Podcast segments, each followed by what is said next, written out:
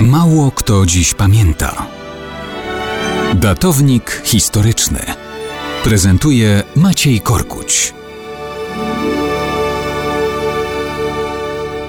Mało kto dziś pamięta, że 13 listopada 1308 roku, a więc równe 715 lat temu, krzyżacy pokazali na co ich stać, wbrew jakimkolwiek zobowiązaniom. Wszystko zaczęło się od najazdu margrabiów brandenburskich Ottona i Waldemara na Gdańsk i Pomorze Gdańskie w sierpniu 1308 roku. W Gdańsku bez problemów zajęli miasto, bo wsparła ich część niemieckiego mieszczaństwa. Natomiast nie udało im się zdobyć obronnego grodu. Ten wytrzymał oblężenie pod wodzą sędziego pomorskiego o imieniu Bogusza. Ów Bogusza wysłał gońców do księcia Władysława Łokietka z mozołem scalającego dzielnice porozrywane w dobie rozbicia dzielnicowego od Pomorza po Małopolskę.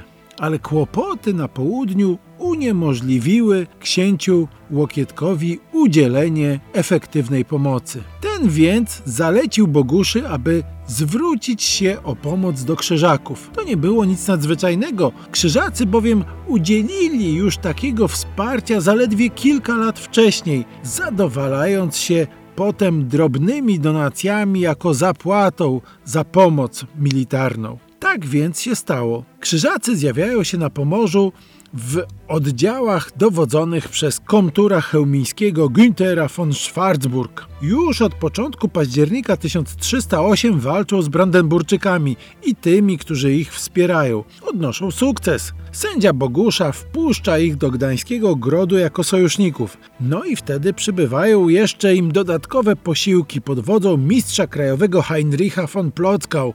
Prawdopodobnie to on podejmuje decyzję o zdradzieckim przejęciu miasta przez tak wzmocnione siły zakonne. I w takich okolicznościach najpierw krzyżacy usuwają polską załogę, a potem uderzają na miasto.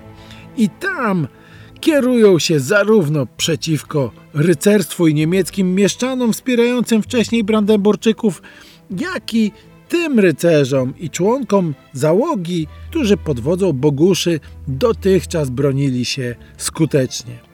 No i 715 lat temu, 13 listopada 1308, następuje kumulacja zbrodni. Krzyżacy dokonują rzezi kilkudziesięciu osób, rycerzy, mieszczan, wojska i pospólstwa. Oświadczają, że Gdańska i Pomorza oddać nie zamierzają. No cóż, na tym sojuszu Polska dobrze nie wyszła. A Pomorze dopiero siłą krzyżakom wydarła półtora wieku później w wyniku trzynastoletniej wojny za Kazimierza Jagiellończyka.